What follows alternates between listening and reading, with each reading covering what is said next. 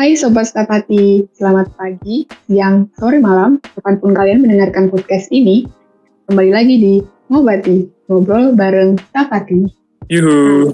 Mungkin kenalan dulu kali ya. Uh, di F0 kan udah ketemu Ivari sama Yuni.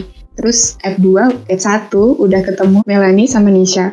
Terus di F2 udah ketemu Hasan sama Husni. Di F3 ada siapa nih? Ini aku bakal nemenin kalian di beberapa jam ke depan. Jadi kenalin, aku Cian dari 2018. Dan partner aku, nih kalau yang nonton di IG pasti lihat nih kayak gimana karakternya ya. Lagi pakai jas, rapi banget. Terus mukanya sih kayaknya kayak opa-opa gitu. Mungkin bisa kita kenalin dulu kali ya. 안녕하세요, 네, 네. 아저씨. 안녕. 저는 너지입니다. Noci 아저씨입니다. Uh, kita bakal nemenin kalian semua nih ya sekarang. Terus kita mau ngapain nih ajusi abis ini? Nah, seperti, seperti episode yang sebelum-sebelumnya, sesi yang pertama ini kita awali dengan sesi rekap nih tentang kegiatan yang Mas Tapati udah lakukan di bulan ini. Betul banget. Terus setelah recap bakal ada eh, perbincangan di main session. Kita bakal undang gestar yang eh, tunggu aja pasti gestarnya ini keren banget dan temanya pun keren Iya, banget. Gitu ya. 진짜요? 네, 엄청 엄청 맛있어. Oke, langsung aja kita mulai masuk ke recapnya ya. Untuk yang pertama nih dari Biro Mimba itu ada proker namanya Amperatif. Nah, Amperatif ini itu merupakan sebuah acara awarding mahasiswa dan dosen. Dan awardee awardinya itu eh, dipilih melalui voting yang dilakukan oleh mahasiswa. Next ada apa nih? Selanjutnya dari Biro Index nih, ada Nomad 2.0 yang membawa tema soal arsitektur dan pop culture. Nah, narasumbernya ada dari founder Supratman Arsitektura, yaitu Rendri Indrawan. Next. Maja, maja, maja, maja. Next ada dari Biro PSDM, itu ada proker SMU, yaitu Sekolah Manajemen Organisasi. Ini kalau PSDM pasti identiknya sama pelatihan-pelatihan gitu. Jadi di SMU ini pengisian materi untuk mahasiswa tahun 2019 yang disiapkan untuk regenerasi Himas Tapati. Next. Umum. Selanjutnya ada kebanggaan dari Medcre yaitu BMS Basic Media Schooling. Nah ini merupakan pelatihan media jurnalistik gitu. Jadi topik-topik yang dua ya soal desain, videografi, fotografi, dan wawasan pers. Keren banget nih. Jangan lupa teman-teman ikut tahun depan. Mantap banget emang nih. Debat, debat. Tapi ini emang keren-keren, omcong debak gitu. Oke, Debat. selanjutnya ada dari Biro Mimba lagi. Ini ada SFH, yaitu Sketch from Home. Ini udah kedua kalinya di yang sama-sama mensketsa dari rumah nih. Nah, kalau yang ini itu ngegambar Web Cristo atau Arch de Triomphe. Selanjutnya ada Selanjutnya dari indeks lagi nih ada kontur juga berupa pelatihan tapi ada ada beda karena pelatihan yang dibawa di kontur itu merupakan tutorial post production eh, dengan menggunakan software Photoshop. Nah, narasumbernya ini dari Mas Amar 2018 nih. Wah, Omar 2018 ya, berarti seangkatan dong sama kita ya. Antuy, antuy. Hmm, Antoy, Antoy. maja, maja. Oke, selanjutnya ada Mimba lagi. Itu ada e-sport sama XRC Dolanan. Sama-sama eh, berlomba dari e-sport dan dolanan ini. Cuman kalau e-sport tuh kan mainnya kayak Valorant, PUBG, Mobile Legends. Nah, dolanan ini di, digabungin gitu. Jadi ada Werewolf, sama jadi eh, teman-teman tiap angkatan bisa join gitu. Jadi asik banget. Mantap. Mantap. Nah, selanjutnya ada dari Hublu, yaitu Medayoh. Ini merupakan sesi sharing-sharing gitu pengalaman organisasi antar kampus ya. Nah, kampus yang dibawa di sesi ini itu dari Unpar nih. Kalau teman-teman mungkin mencari jodoh ya, banyak nih. Banyak yang Gitu. yopo yopo. Iya po mas, iya po mas. Oke. Oke, lanjut miane. Iya nih, nih Gencana. Oke, selanjutnya ada dari Biro PSDM. Itu ada OKKBK. KBK ini uh, sebuah acara orientasi untuk mahasiswa baru tahun 2021. Itu uh, kegiatannya kayak mengenalkan ITS lebih dalam untuk mahasiswa baru. Gitu. Oke, Pak.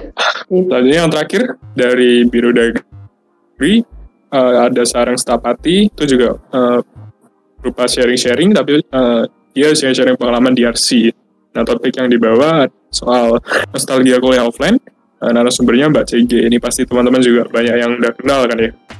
Iya, betul. Dan ini uh, saran sahabat ini di live di IG nggak sih? Nah ya benar-benar. Teman-teman oh, harus juga cek di IG Hima ya. nih. Betul, ada siaran ulangnya ya di IGTV. Oke, udah dulu nih buat segmen recapnya. Mungkin kita bisa langsung aja masuk ke main session. Di main session kita bakal ngapain nih? Kita bakal bahas sesuatu ini ya hampir sama dengan yang telah kita lakukan sebelumnya. Dengan ya tadi kan kita udah pakai bahasa-bahasa asing kan ya. Nah kita bakal bahas apa nih, Ci? Ya betul, karena bahasa asing berarti berhubungan dengan luar negeri. Jadi topik kita hari ini tuh belajar di luar negeri. Oke. Okay. Nah, ini udah ada narasumber kita, Mbak Ferin dari 2018. Halo. Selamat, selamat datang, Mbak Ferin. Halo, Mbak Ferin. Halo, Nocia Macian. Bagus sih, ya. Gimana kabarnya? Alhamdulillah, baik. Eh, mungkin Mbak Ferin mau kenalan dulu. Uh, kenalan dulu kali ya. Yaudah.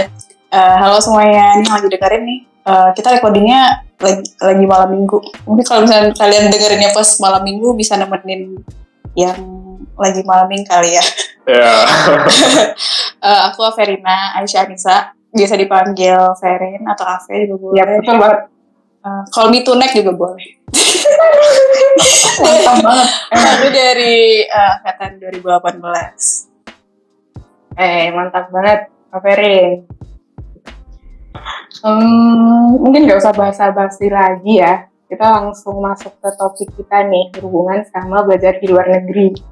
Nah, Mbak Ferin, kalau nggak salah sempat short course gitu kan ya, short course gitu. Eh, iya benar banget sih. Nah, kemarin tuh? Uh, sempat ikut short course di Denmark. Uh, nama programnya tuh SDU International Summer School 2021 Oh, oh keren keren. Itu di uh, berapa lama? Nah itu tuh kemarin untuk programnya sendiri itu biasanya sih uh, ini tuh kayak uh, termasuk kayak summer school gitu ya. Jadi hmm. biasanya itu tuh sekitar dua minggu programnya. Dua minggu itu bulan Agustus ya? Eh ben benar banget bulan Agustus. Betul, betul. Berarti belum belum ini ya, belum belum masuk kuliah ya nggak sih iya benar jadi di sana juga masih summer kan hmm. jadi sama-sama misalnya kayak bisa buat uh, program um, selingan di liburan semester gitu hmm, sip, sip. terus oh. di sana belajar apa nah kalau misalkan yang aku ambil kemarin uh, itu tuh nama course-nya um, eksperimental arsitektur. Terus uh, topiknya itu tentang robotic timber fabrication. Oh wow, eksperimen berarti sama kayak, kayak yang kita lakuin sekarang ya? Hmm, kalau misalkan kayak sekarang kan kita lebih ke konseptualnya gitu ya. Kalau misalkan yang ini tuh oh. kita eksperimennya menggunakan kayak um, lebih ke ini sih um, tektonika dan juga kayak menggunakan bereksperimen menggunakan satu um, apa ya namanya uh, kalau misalkan mereka tuh biasanya tiap tahunnya tuh beda-beda gitu loh. Jadi misalkan tahun ini eksperimennya pakai kayu, uh, material oh. timber. Jadi kita kayak bereksperimen gimana sih kita bisa bikin kurvatur atau mungkin kita bisa ngeband si um, board atau si timbernya oh. itu sendiri gitu. Hmm. Aduh, asik banget kayaknya ya. Itu keren, berarti keren. lebih ke kayak material gitu kah? Eksplorasi material gitu? Uh, betul. Hmm. Ya, Ini ini ini aku lihat di eh, linknya yang tadi yang SBU Summer School ini eh, di showcasein bentuk-bentuk yang kayak eh, cukup parametris ini kalau aku lihat itu eh Afi juga bikin kayak gini.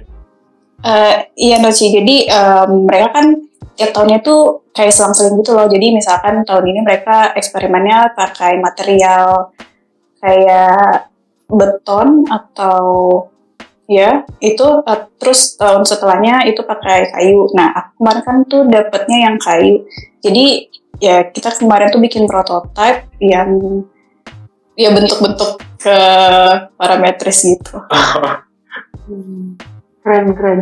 Berarti ada software yang dipelajarin tertentu nggak sih? Software tertentu yang dipelajarin gitu? Nah, eh, kalau misalkan software sih, iya kita di sana itu kemarin pakai eh, Rhino sama Grasshopper. Wah ini. Gitu. ini, ini kayaknya noci banget ya sih. iya. Gimana Ini nih? Cocok banget nih noci. Noci harus Bikin- nyoba sih. Bikin pusing ya ini tapi. Ini luar biasa menguras eh, ini ya raga dan jiwa Raga sebenarnya. dan jiwa. Eh, terus berat sih sebenarnya ya Iya, jujur iya. berat ya. Terus gimana, Pe? Kan ini, jadi misal pelajarannya kan udah susah nih. Apalagi ngomongnya pakai bahasa Inggris. Terus Betul. gimana nih? Ferin bisa beradaptasinya di situ gimana? Eh, hari pertama sebenarnya em, cukup berat ya karena nggak cukup berat berat banget sih sebenarnya Oh my god. Karena eh, kita kan biasa kalau di RC rata-rata makainya SketchUp ya terus waktu di sana kita harus pakai Rhino dan Grasshopper yang sama sekali nggak pernah nyentuh gitu jadi Hmm. betul-betul susah sih sebenarnya cuman di sana tetap diajarin gitu karena kan juga programnya nggak dikhususkan untuk uh, anak-anak arsitektur tapi Hmm. juga Oh. terbuka buat umum gitu mau dari jurusan apa pun kalian bisa join gitu Wow. Berarti ketemu teman-teman luar negeri dan berbeda jurusan gitu ya? Hmm, betul betul banget tapi uh, mungkin salah satu challenge-nya juga ya yang ikut itu pesertanya rata-rata uh, yang udah um, masih ma- yang udah lulus S1 dan lagi belajar S2 atau ngambil master sama yang bahkan udah punya biro arsitek sendiri dan bahkan udah kerja Oh. gitu. Jadi Wow. undergraduate studentnya tuh cuman kira-kira di satu kelas tuh dari 19 orang cuman 4 5 orang gitu yang undergraduate student termasuk aku sendiri. Oh, pressure-nya makin ini. Makin gede lagi. Tapi kemarin sejauh ini sih eh, pengalaman kemarin ya eh, tutornya baik-baik. Terus mereka bener-bener yang eh, nge-guide kalau misalkan kita ketinggalan. Jadi sistemnya itu adalah di minggu pertama, tiga hari pertama itu kita datang nih kelas nih. Duduk nih sampai jam 10 eh, dengerin salah satu profesornya tuh presentasi dulu ngena- mengenai si program ini sendiri. Terus habis itu setelah itu sampai jam 6 sore dari jam 10 pagi itu kita duduk di kelas dan kita ngikutin tutornya gitu eh, bikin ngoding buat si grasshopper ya bikin itu bener-bener yang Iya, Ekstra. cukup ekstra banget sih sebenarnya gitu. Oke. Selama tiga hari kayak gitu dari pagi sampai sore lagi kayak gitu. Hmm, ya, ya, ya, ya. Terus em, mungkin gimana di situ berarti lebih ke tutorial gitu ya? Em, sebenarnya tuh d- output dari course ini kan kita disuruh bikin prototipe satu banding satu ya.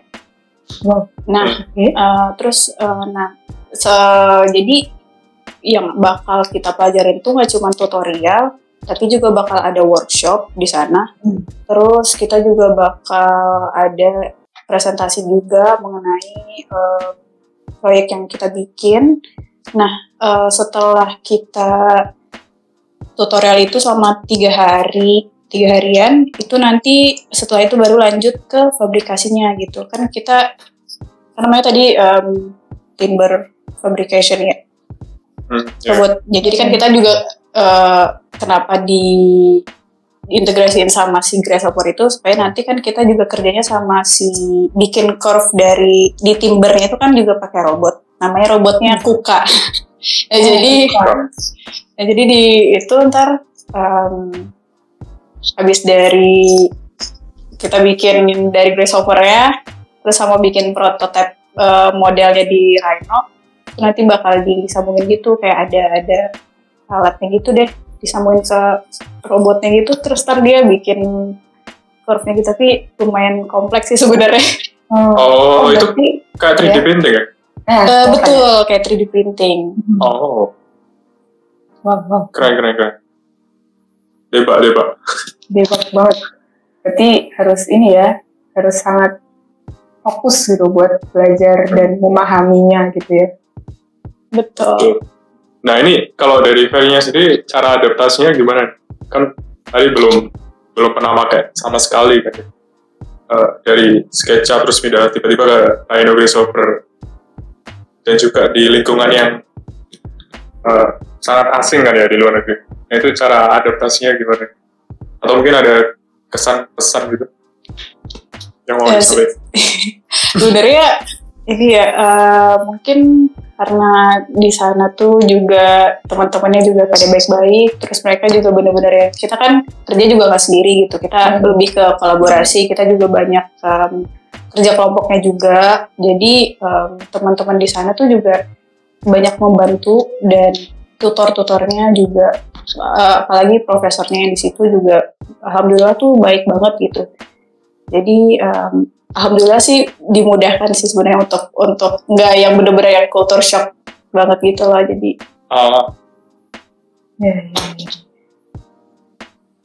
Eh, penasaran nih, Fe. Mungkin Ferin eh, masih ingat gitu temen deketnya Ferin pas di situ.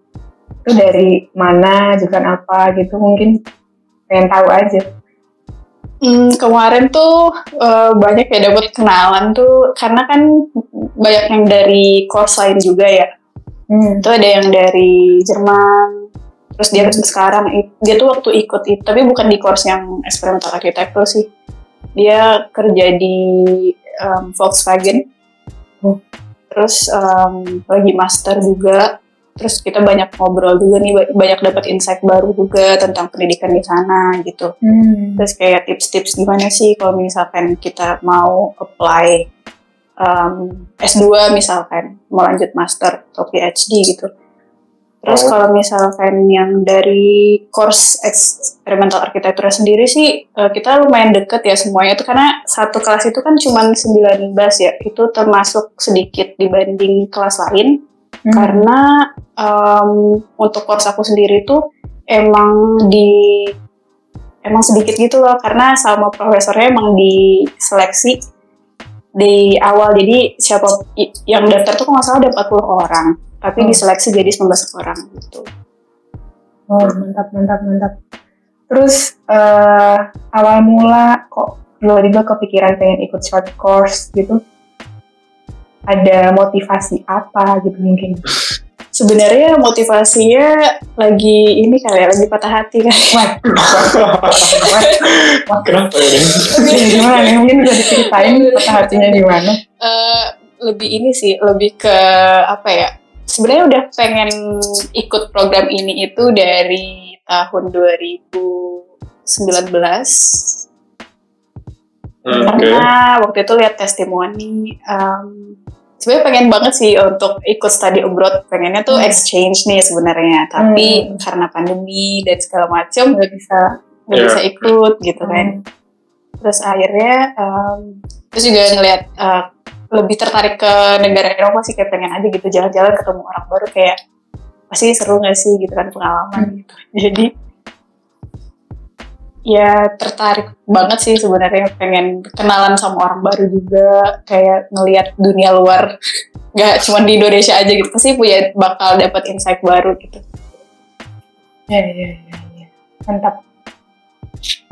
Oke, ini aku mau tanya ya, mungkin cukup out of topic ya. Kalau kan tadi sih kan kalau tadi Ferry belajarnya di Denmark ya, dan kalau kita mungkin udah banyak studi presidennya BIG kan juga dari Denmark. Kan itu katanya Denmark itu eh, apa orang-orangnya suka bersepeda itu itu memang di sana banyak banget yang sepeda gitu. Nah, betul banget. Oh Jadi nih, bener. Oh, bener wow. banget loh, Ci. Nih ya, kita tuh di sana orang-orang itu bener-bener yang kita kan kalau kalau ke kampus gitu kan suka mager tinggal naik motor gitu kan. Bahkan ke warung juga motor gitu. Tapi di di sana- bawa motor. Tapi di sana tuh orang-orang udah bener yang bahkan eh, dari yang apa ya jarak antar univ ke misalkan kita mau jalan ke pusat kota gitu itu kan kayak 6 6 7 kilo itu mereka bener-bener Oh, naik wow. sepeda gitu kayak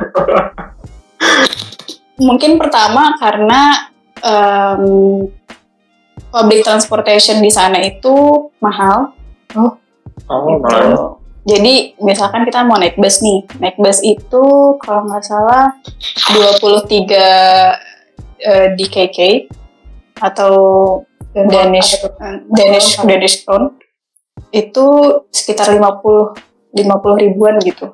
Itu sekali satu sekali trip gitu. Jadi daripada em, naik bus yang mahal, mending naik sepeda gitu. Oh, Terus juga em, di Denmark itu strata buat orang pesepeda itu lebih tinggi dari orang jalan kaki. Jadi orang naik sepeda, orang jalan kaki baru mobil dan kendaraan lain. oh, Gitu. unik ya. Jadi ya, Hmm. sangat diagungkan gitu. Terus Hmm. sepedanya. Jadi ini nggak sempat ngerasain tadi sebenarnya udah disinggung sih sama Ferry. Eh, culture shock gitu Eh, sama budaya yang ada di sana. gitu. Ada perasaan gitu. Eh, pasti ada sih sebenarnya karena beda jauh ya Eropa dan Asia budayanya tuh.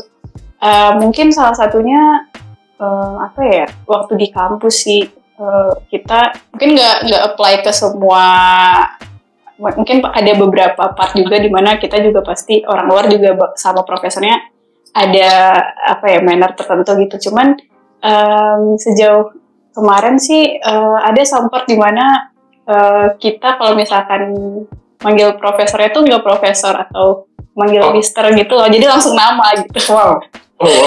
bro. jadi eh, profesor aku kan namanya Roberto tuh Oh. jadi udah manggil aja kayak Roberto gitu Oh my terus dia god. ntar langsung aja gitu kayak udah kayak teman aja CS gitu gitu ya. Udah kayak senggeng. Ntar takutnya kalau kembali ke Indonesia terus manggil Pak Lurah kan, langsung namanya. eh. Saya melanjutkan. waduh. Time time time up ada lagi nggak kira-kira mungkin selain eh, ngomong ke profesornya gitu atau ada lagi gitu? Mungkin eh, lebih ke ini kali ya perbedaan waktu antara Hmm. Indonesia dan Denmark ya Jadi Kebayang di- banget sih ya? Jadi di Indonesia itu kan kita sunset jam 6 ya, jam 6, jam 7. Tapi di sana itu sunsetnya jam 9 malam.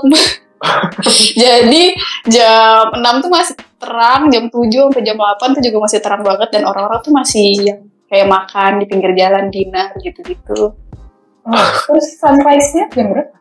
It, sunrise-nya itu jam 3 jam 3-an. Oh, malamnya ada bentar ya? Eh bentar dulu lupa nih. Tentunya ya apa ya? Tentu ingatnya dulu ini sih eh, jam 3 pokoknya itu subuh. Wow. Oh, Jadi is isyanya jam 12 malam. Oh, day, daytime-nya berarti emang lama ya daytime-nya? Waktu hmm, iya, waktu harinya. siangnya. Heeh. Wow. Keren. Oke. Eh enggak sih guys, kan salah ini deh. Eh, jadi sunrise-nya itu jam jam 7-an kayaknya. Kalau nggak salah jam 7-an, jam 7-an. Jam 7. Oh, 7 pagi. Iya. Iya, iya. Ada telat banget ya. Iya. Ya mantap kalau gitu. Eh, mungkin atau ini, Fe. Tadi kan dari tadi udah ngobrol soal asiknya kayak pengalamannya, terus eh, dukanya mungkin lebih ke kayak hmm, pressure, terus susah nangkep ininya. Terus kalau refreshing gitu sempat ada nggak sih refreshing? Refreshing dari kepadatan pembelajarannya? Eh, kalau misalkan dari programnya sendiri itu selalu ada ya. Jadi mereka itu bikin schedule biasanya tuh jam hari-hari nggak nggak setiap hari, cuman kayak selang-seling gitu. Jadi misalkan hari pertama itu nanti kan biasanya course-course itu tuh selesainya jam 5 atau paling lama itu jam 6 ya. Itu nanti jam 8, jam 7 atau jam 8 itu biasanya ada acara yang dibikin dari panitia SDU Summer School sendiri kayak misalkan karaoke. Terus kemarin itu ada kayak board games, Oh. Terus juga, mm, terus kayak ada kunjungan ke castle gitu di weekend. Kesto? Iya, Kayak- jadi museum gitu. Oh wow. Oh. Tapi nggak boleh nggak boleh ini ya pergi sendiri, maksudnya ya bebas ingin sendirian gitu. Atau- Em, Harus di handle panitia. enggak sih, eh, maksudnya kita bebas sih mau mau pergi sendiri boleh. Tapi kalau misalkan yang itu kan mereka benar-benar nge-arrange acaranya dari mereka.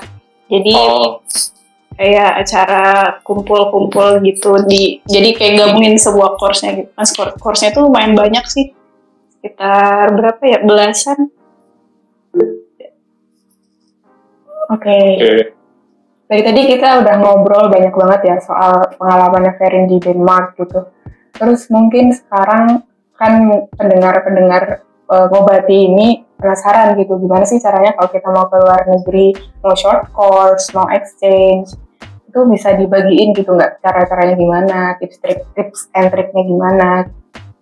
oke buat tips and tricks ya ini cerita sekalian cerita kali ya pengalaman saya juga juga pertama kali apply buat um, abroad dan kalau bisa dibilang sih cukup banyak rintangannya ya Ya, oke. Jadi kalau misalnya kita kan seneng-seneng aja nih, tapi sebenarnya eh, banyak banget dokumen yang harus diurus, terus juga eh, konfirmasi ke pihak UNIF-nya. Aku mulai aja dari ini kali ya, kalian tentuin dulu kalian mau apply program apa gitu, misalkan apakah exchange, pertukaran, atau mau short program aja atau short course kayak biasanya tuh summer school atau winter school yang cuma dua minggu. Nah, em, terus eh, habis itu biasanya tuh mungkin kalau misalkan lebih enak kalian tuh carinya ini sekali promosi juga eh, di cek di, di ITS GE Hmm. itu bakal banyak banget informasi-informasinya dari semua program-program em, pertukaran yang ada di ITS. Nah, enaknya adalah ketika kita apply em, program yang ada kerjasama sama ITS-nya, jadi antara kita eh, ITS sama univ lain ada Hmm. MOU, itu tuh kita lebih diprioritasin gitu loh. Jadi Hmm. kayak aku kemarin tuh aku nggak perlu melewati tahap em, kayak seleksi lagi di uh, course pilihannya soalnya kan kita ada kerjasama nih antara ITS sama SDU Denmark jadi em, spot kita tuh udah aman gitu jadi kita mau pilih course apa aja tuh em, Hmm. insya Allah udah udah aman gitu Hmm, hmm. tapi em, itu sih tadi eh, kalian tentuin dulu mau program apa, terus nanti biasanya dari TSG itu kan ada seleksinya. Nah di seleksi itu nanti kan ada berkas tuh, seleksi berkas kayak CV kalian, terus kayak motivation letter. Terus juga nanti kalau misalkan lolos di dua ta- di tahap ini bakal lanjut ke interview. Nanti interview kalian bakal ditanyain tuh em, motivasinya apa, terus persiapannya apa aja nih kalau misalkan keterima gitu. Karena em, ketika udah diterima, kita tuh bakal ngurus misalkan visa. Ini visa nih sebenarnya yang salah satu paling em, challenging sebenarnya. Oh, Oh, ribet ya, agak ribet. Iya, jadi em, dokumennya banyak banget yang harus diurus karena harus eh, ngurus kedutaan juga kan. Hmm. Em, terus juga eh, di every path you take kalau misalkan mau apply di ke eh, visa itu benar-benar harus sabar Jadi karena apalagi aku mungkin cerita pengalaman aku ya kemarin waktu Hmm. apply pas lagi pandemi dan Indonesia kan waktu itu benar-benar kasus COVID-nya bulan Oh, bulan iya, tinggi. Juli itu sangat Hmm. tinggi banget ya. Ya, Iya, banget, itu Pak. tuh-. Wajar. itu tuh pada saat itu aku benar-benar yang udah hopeless banget gitu loh ini bakal pergi apa enggak gitu ya. Hmm, hmm, hmm. Padahal tuh udah daftar juga dan udah dapet um, letter of acceptance-nya juga dari SDU Denmark. Karena kan mereka di sana udah new normal banget ya, udah Oh, udah case case-nya juga nggak yang sebanyak di Indonesia waktu itu. Terus um, akhirnya benar-benar yang pertimbangan paling berat sih hmm. itu benar-benar yang sampai kepikiran tidur juga kayak kepikiran gitu Oh my god. Hmm. karena benar-benar yang ini kalau misalkan karena kita nggak tahu kan eh, siapa tahu Indonesia di blacklist karena waktu itu Indonesia kan juga Ah, ah. sempat di blacklist sama Singapura ya karena Oh, di bordernya ditutup gitu karena kita case-nya tinggi. Jadi buat mencegah penularan dan segala macam. Hmm. terus kemarin waktu apply itu eh, mau apply visa kan eh, visa Schengen. Kan aku eh, karena daerah Eropa jadi apply-nya visa Schengen nih.